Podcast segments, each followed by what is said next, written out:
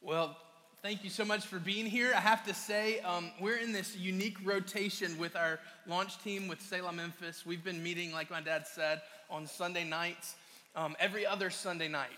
And so, if you kind of are doing the math, what do you do on Sunday mornings, Ryan? Hey, it's incredible. We watch cartoons on those Sunday mornings with our kids because we go to church in the evenings. But then on the other Sundays, we open our home and we've been having home church with our launch team.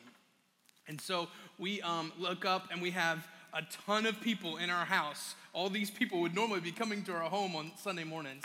So it's grateful. We're so grateful to be here with you this morning. So grateful for this church. So grateful for what God's doing here. Um, and I, if I can this morning, I, we're really praying through. Our, our, launch team, some of our prayer team has been praying with me on what to share this morning. And um, my dad's an incredible storyteller, as many of you know, right? And you've probably heard the same story hundreds of times, like I have. I'm just kidding. Not really. Um, but um, I love to tell stories. We love to share our own stories. And this morning, as I was praying, and this past week, as I was praying about what to share this morning, God really just impressed on my heart to share a little bit of the journey that our, we've been on. But I want to say this to you before I share the journey this isn't my story. None of us really have a story, it's God's story. History is His story, right? And as we look over our lives, it's our interaction with the Heavenly Father, our inter- interaction with the King of Kings that really legitimizes any story we have to tell. And in the glimpse of eternity of what my life is but a vapor, man, my story is really nothing when we talk about His story. And so this morning, as I share with you a little bit of the journey that God's brought us on and a little bit of the reasoning behind some of this church and some of the things that God shared, I hope it encourages you, not because it's my story, but it's your story just as much because you have interaction with His story. So, just to kind of clarify a few things, we, man, we've been on, a, on this journey for about eight months, my wife and I. We've really kind of been praying through and growing up, man, I always thought, man, we, we, I would love to play in a church. And many of you knew me when I was younger. And um, man, I was a little bit different. Like I loved, I followed Jesus and sought after him. God called me in ministry when I was young. And then God began to grow me in different ways and um, really prayed through, Lord, I'd love to play in a church one day, you know? And God really didn't ever have that on in our hearts. And maybe my heart was different from what God would desired. And then all of a sudden, um, this past spring, in a season that we didn't anticipate, God brought up, okay, hey, it's time to start a new church. And one of my first statements I said to the Lord, and I maybe have said even to some of you, I know I've said it to some of my friends in the room, man, Memphis doesn't need another church, you know? There's 2,400 churches in the city of Memphis. 2,400 churches. And then when I put that up against, man, my goodness, our crime rate and the poverty and, and all the different things that Memphis is usually number one in the country with that aren't good, like, Lord, Memphis doesn't need another church. Memphis just needs the churches in Memphis to work.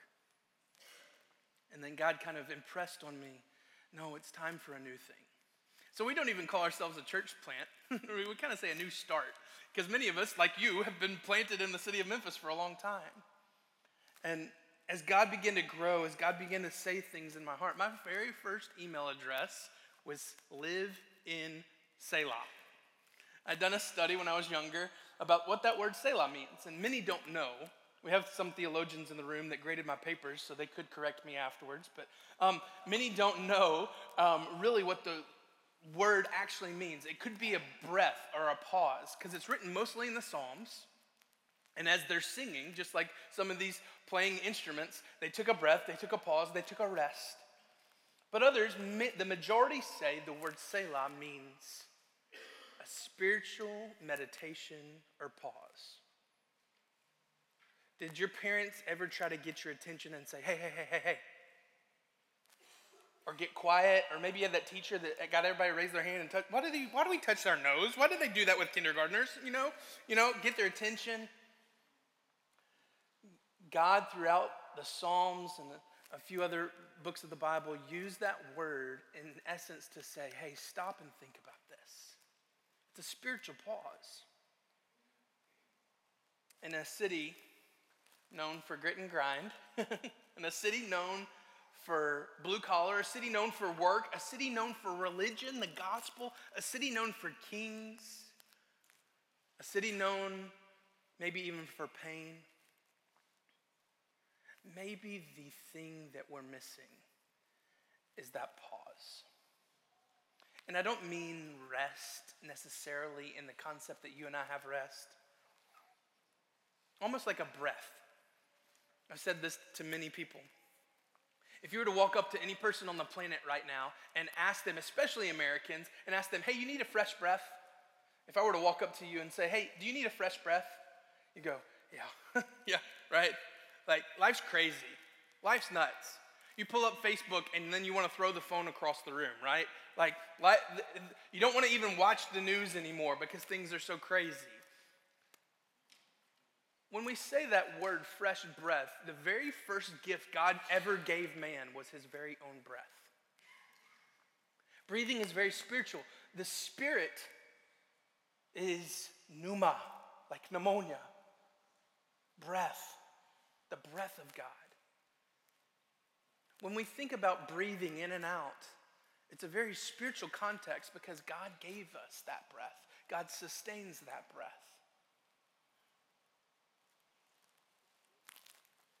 When we process this concept of Selah, it's time for us as the church, not little c, big C, the church, to be the breath of fresh air to a lost and dying world that need that breath. We have the breath inside of us. So, in this process of God doing a new work in Ann and I's life and ultimately a few others as well, we looked up and God was starting to rend a few things out of us, starting to bring us back to something. And it reminded me of a verse that I'm going to give you guys today. If you have your Bibles, turn to Revelation chapter 2. In Revelation chapter 2, many of you have known this, but in Revelation chapter 2, this statement of returning back to your first love, but I want to read it in full context. In Revelation chapter 2, verse 2, it says this I know your works, your toil, and your patient endurance, and how you cannot bear with those who are evil, but you have tested those who call themselves apostles and are not, and you have found them to be false. I know you are enduring patiently, bearing up for my name's sake, and you have not grown weary, but I have this against you that you have abandoned the love you had at first. Remember, therefore, from where you have fallen, and repent and do the works you did at first. If not, I will come to you, and I'll remove your lampstand from its place unless you repent in this season for Ann and I and for many of our launch team, God's really kind of called us to return to that first love. But if you read those first couple of verses in verse chapter or verse 2 and verse 3, and it's your first point today if you're taking notes. God knows our works, but they don't matter. He says, I know your toil. I know how you've been doing the things that you're appropriately supposed to be doing listening to the truth and re- re- refusing the lie, turning away from those who call themselves apostles and who are not. And I know you maybe not even have gotten tired in doing these things. You've endured and you've been patient. But I have this against you. God gives a list of things that we do. You see, we want to measure our growth and our depth in, with our relationship with God by responding. But God says, wait, I need you to pause for a moment. You see, in a season for Ann and I, as we process church and as we process where we are with the Lord, many times, just like you and I have done before, we want to respond to God first. And many times, I've even taught this, I've even preached this before, that responding is the very first act. But God said, I know your works. And the response that you need is you need to return. It's a pause concept. You see, why do we pause? Why the word Selah? What's the point behind pausing? When I pause, I'm surrendering the thing that I was going to be doing, and giving God space. Sometimes in church we teach this respond first, and then we'll teach you to belong, and then maybe you'll kind of pick up this pause concept down the road. When I believe that God's saying, hey, you know what? Give me space, just you and I, and I'm the one that's going to speak into you. I've found myself in a past, as a pastor sometimes trying to get in the pause with someone else when the Holy Spirit's just as confident, just as bold, just as powerful, or even more so than I am. See what happens when we pause, we give God space, and you know what He does? He pours in grace. What God does in the pause is He tells us who we are in Him. When I pause, I give God space to pour out His grace. When I pause, I submit to Him. When I pause, He speaks. Later on tonight, maybe even this afternoon, you'll lay your head on your pillow, you'll go to sleep. But God does not do that. Why did God not create us that way? Why did God not give us internal batteries to where we never have to rest?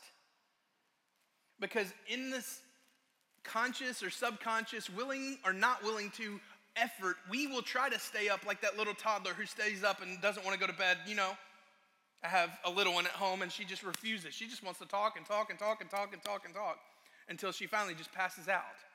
We do the same thing, but not in necessarily a rest concept. We try and try and toil and do these works. And he's saying, hey, don't worry about these works right now.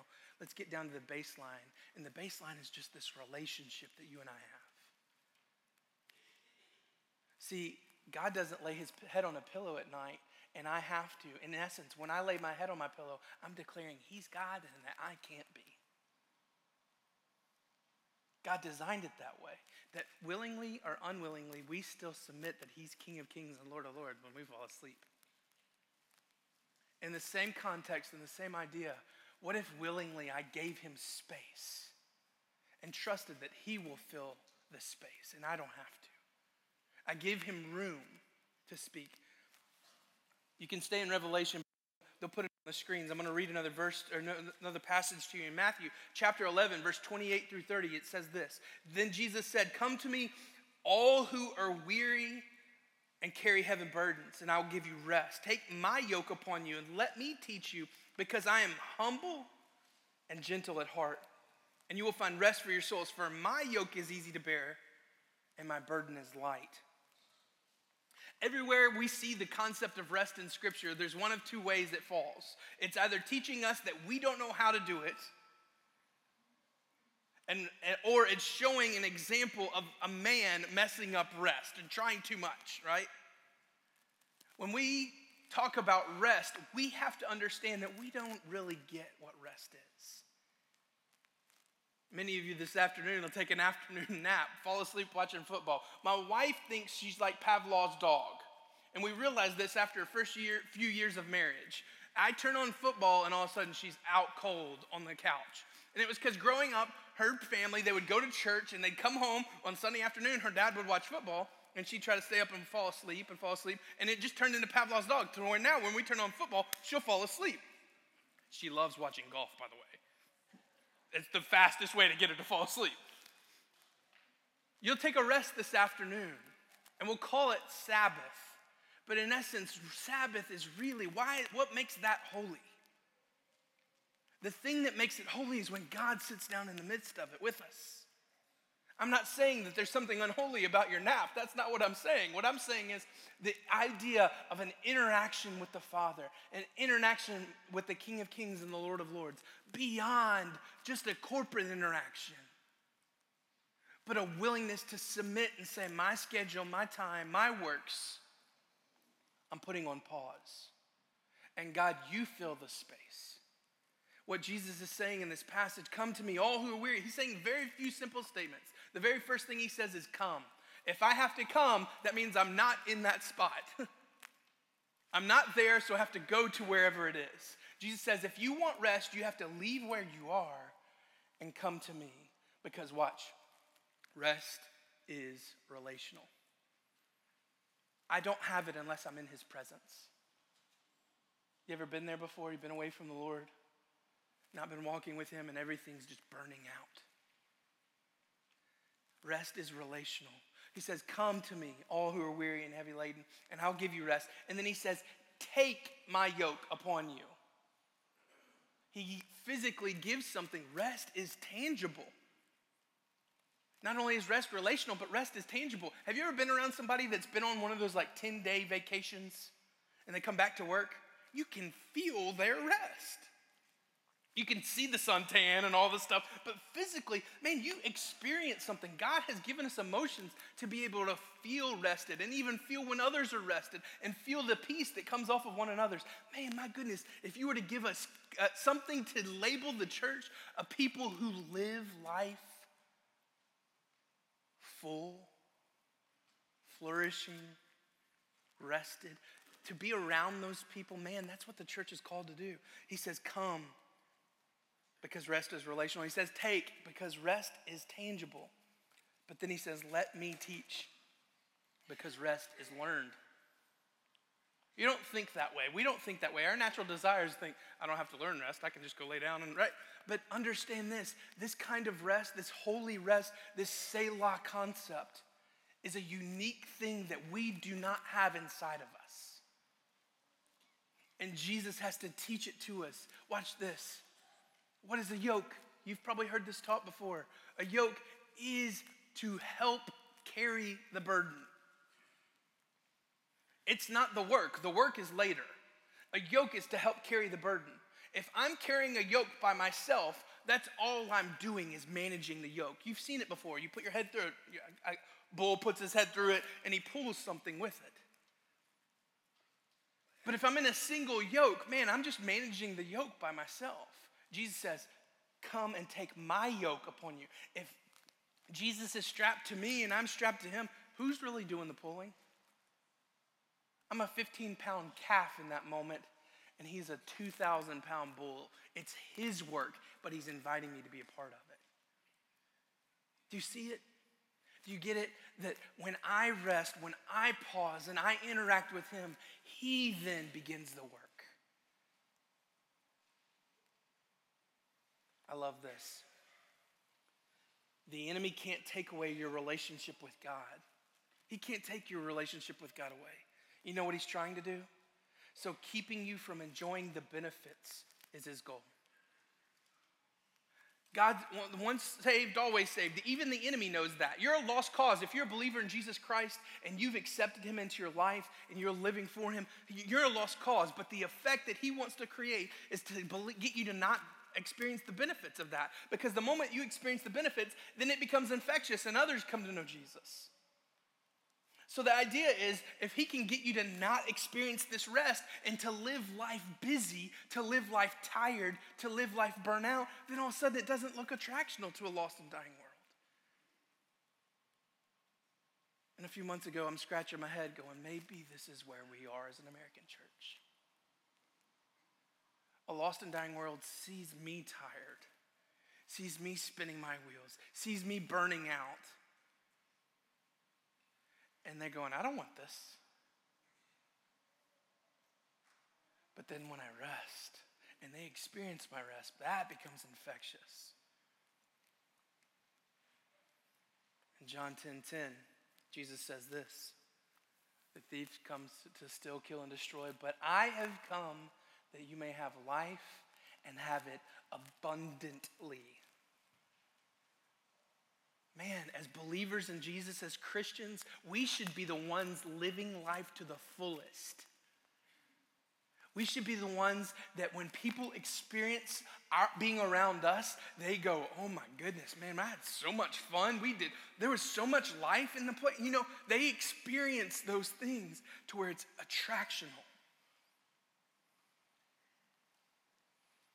But Jesus says, abundant, abundant. And we kind of get overwhelmed by that, don't we? We're like, I'm, I'm already experiencing way too much life as it is. Three, six and a half, and nine years old. I have plenty of life in my house right now, right? But our concept is filling time, and Jesus is not that. He's filling heart. He doesn't want us to think in time context. He wants us to feel heart. Man, I can pause in this moment right here and still be talking to you. It's a surrender of my heart and letting Him speak into it. In the Revelation passage, it says, I know your works, but I have this thing against you. Point number two first, return to love. After we pause in this interaction with the Father, after we pause, then there's verse 4 of Revelation chapter 2. In Revelation chapter 2, verse 4, it says this But this I have against you, that you have abandoned the love you had at first. Back in the spring, Ann and I began this cool process. Many of you I've known for a long time, and we've grown up in church together. And I've grown up in church, and I've seen church my entire life in all sorts of different ways, in all sorts of different places, and all sorts of different avenues, right? And it was one of those things of, Lord, if you're calling us into this new church start, I, I want to filter away all the things that I've learned. Not that they're bad or wrong or good and different, they're neutral.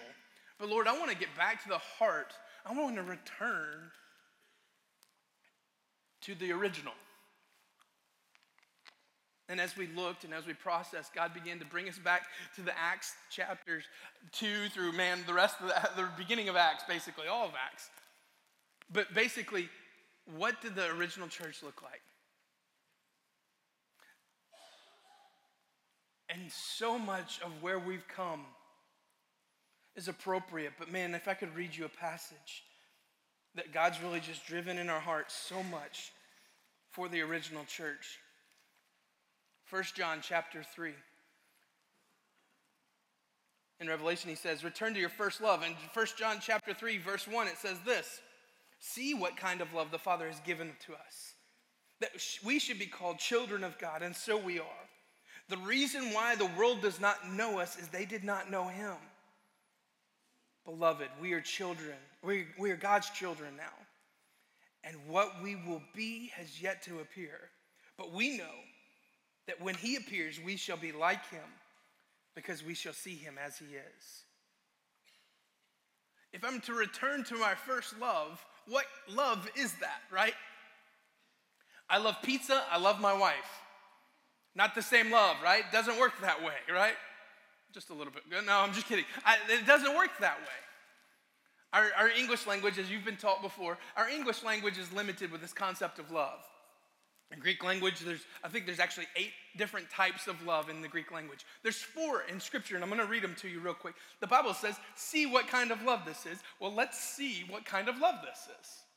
The first love is eros, erotic, sensual, self-seeking love. This is a, a instinctive love, appropriate in the right context, but very limited context. Philia, the Philadelphia, the brotherly love concept, a friendship love, appropriate in the right context. It's a give and take love.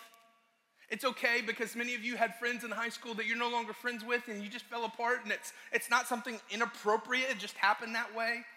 Or if we go down to the nursery right now, there's certain kids not playing with another kid because he doesn't share, right? It's give and take. That's what friends do. It's okay. It's, it's still very specific, but watch, it's still instinctive. No one taught you how to be a friend, they teach you how to be a good friend. Storge, it's a familial love, a natural bond love. No one taught you how to love your mother. Many teach you how to not love your mother, right? or as you grow older, you learn reasons that you desire. No, no, I'm just kidding. But there's, there's, there's a natural kind of love, but then there's this fourth love. Those first three loves all happen naturally inside of man. But agape, the Bible says, see what kind of love this is. It's agape love. What is different about agape love? Agape love is self giving, self sacrificing. No take, just give. And it's supernatural. And, church, if you could hear one thing today, hear this I do not have that love inside of me. This is a gift that God has to give. And He only gives it to His kids.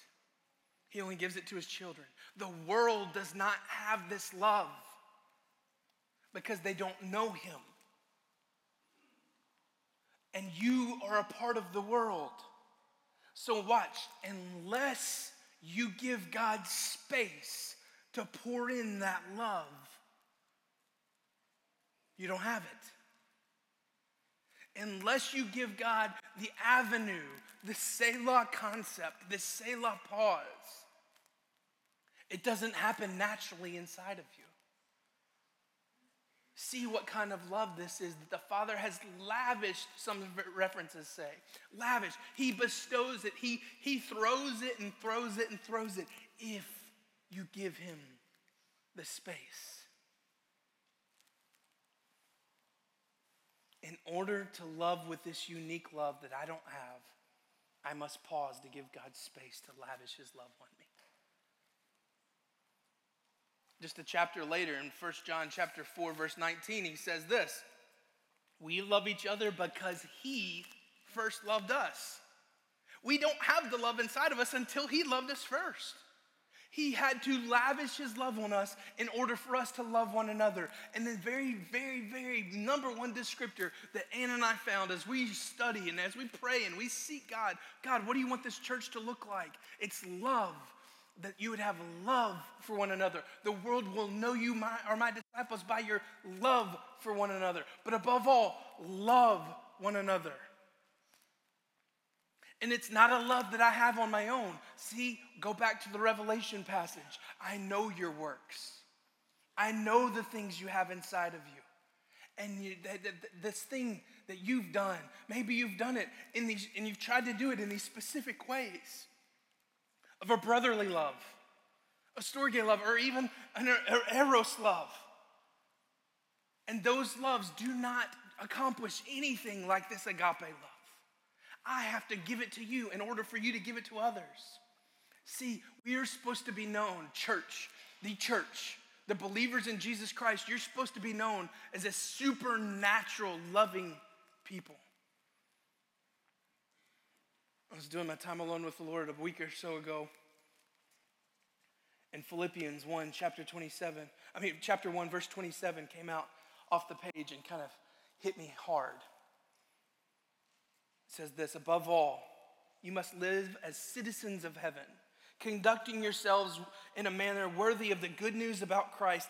Then, whether I come to see you again or I only hear about you, I will know that you are standing together with one spirit, one purpose fighting together for the faith, which is the good news.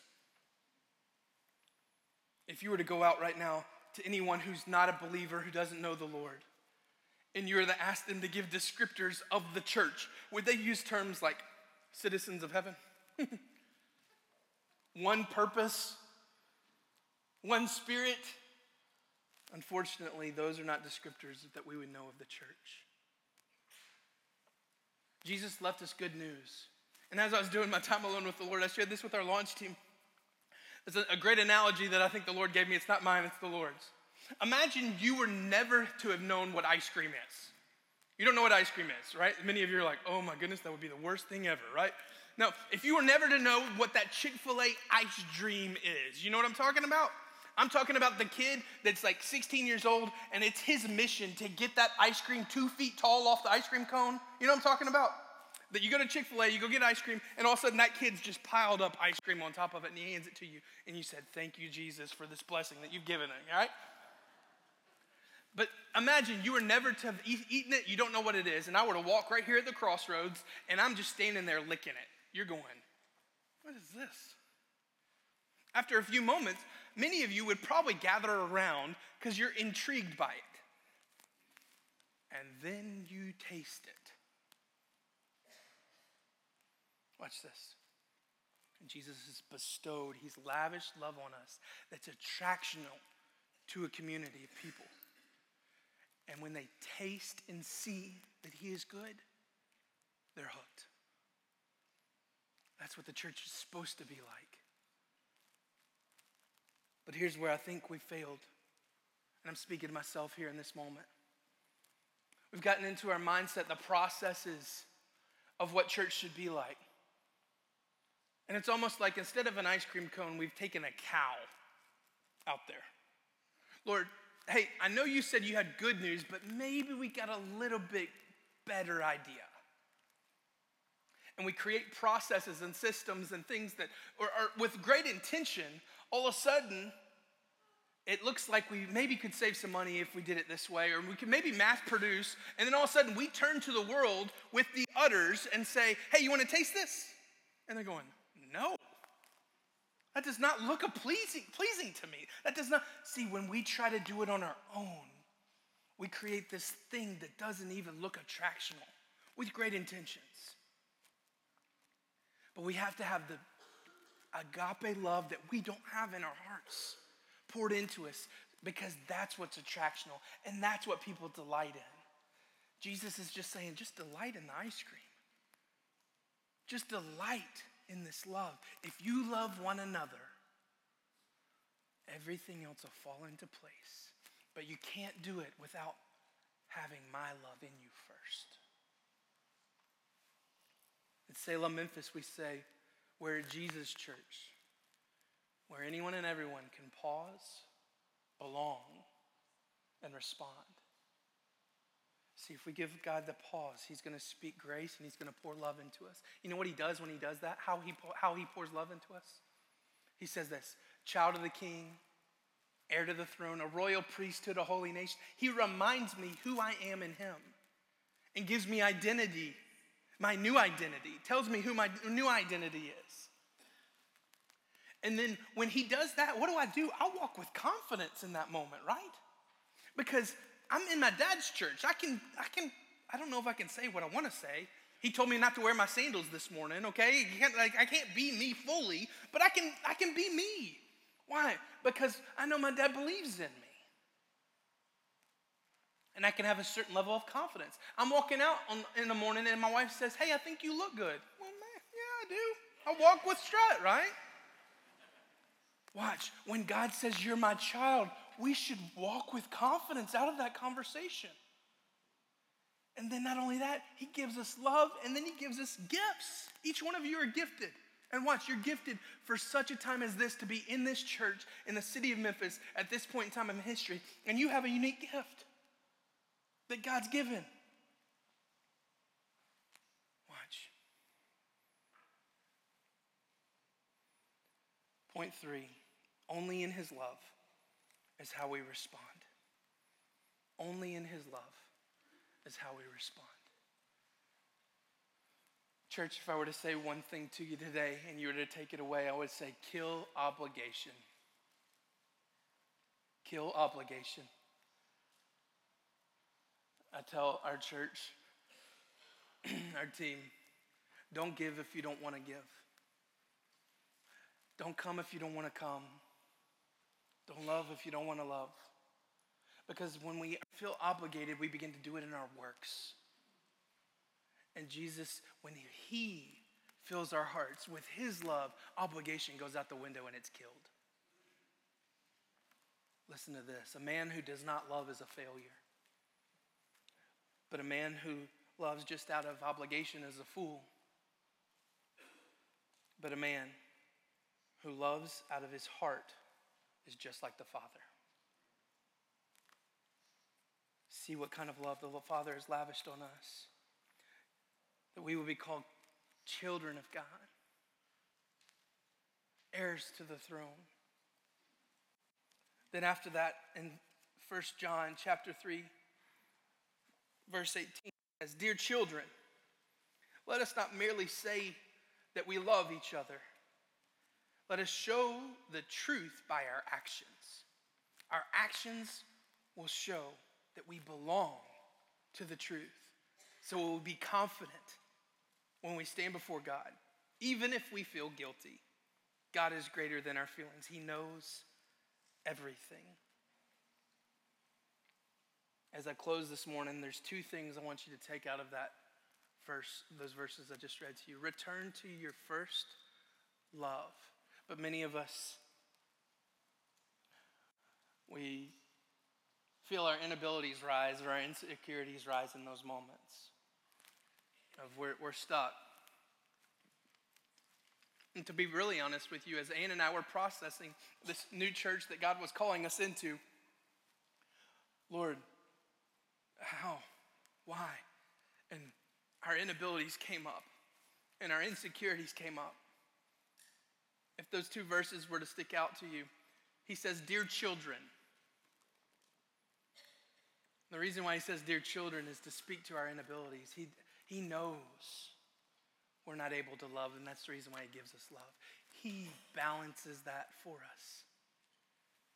But then he says, even if we, I know that you might feel guilty about this, and that's to speak to our insecurities. God already knows that we're not able and that we're insecure. I love this. God gives gifts for our inabilities and grace for our insecurities. The gifts He given you today is love. The grace He gives you today speaks to those insecurities and say, You can run if you have this love. If you would, if you bow your heads and close your eyes. And I know this is routine on Sunday mornings to close out a service, but with every heart, if you could genuinely press into the heart of God in this moment and listen with your heart and not just your ears. You see what kind of love this is. Agape love, that self giving, self sacrificing love, is what held Jesus to the cross. It's what called him out of heaven, is what put him uh, flesh on his, on his soul, and he walked into our lives with this self giving, self sacrificing, no take, only give love that's supernatural. See, Jesus really did die on the cross. He really did pay the penalty for our sins, for yours and mine. He really did know your inability and know your insecurity, and he shouted from the cross, Tetelestai, which means I've got it, it's paid for. I'm covering the check on this one. But instead of food, it was your life that was on the line. Today, we're going to respond, but only after we pause. So, in just a moment, you'll have an opportunity to respond to Jesus today. He really is calling you into his family. He really does want to adopt you from a life of sin and death into a life and life to its fullest. And today we're going to give you an opportunity to respond in that way. But before we do, I would like us to pause and give space for the believer in the room. We're going to have just a moment here where you listen. This isn't the time to give God the checklist, the things that you've got in your heart. This is the time for God to give you what's on His. God's a talker. So as we pause in a moment, if you'll just listen, let the Holy Spirit speak. He'll tell you how to respond, and it'll be a lot better than I could. We're going to pause here just for a moment, and God will speak His grace.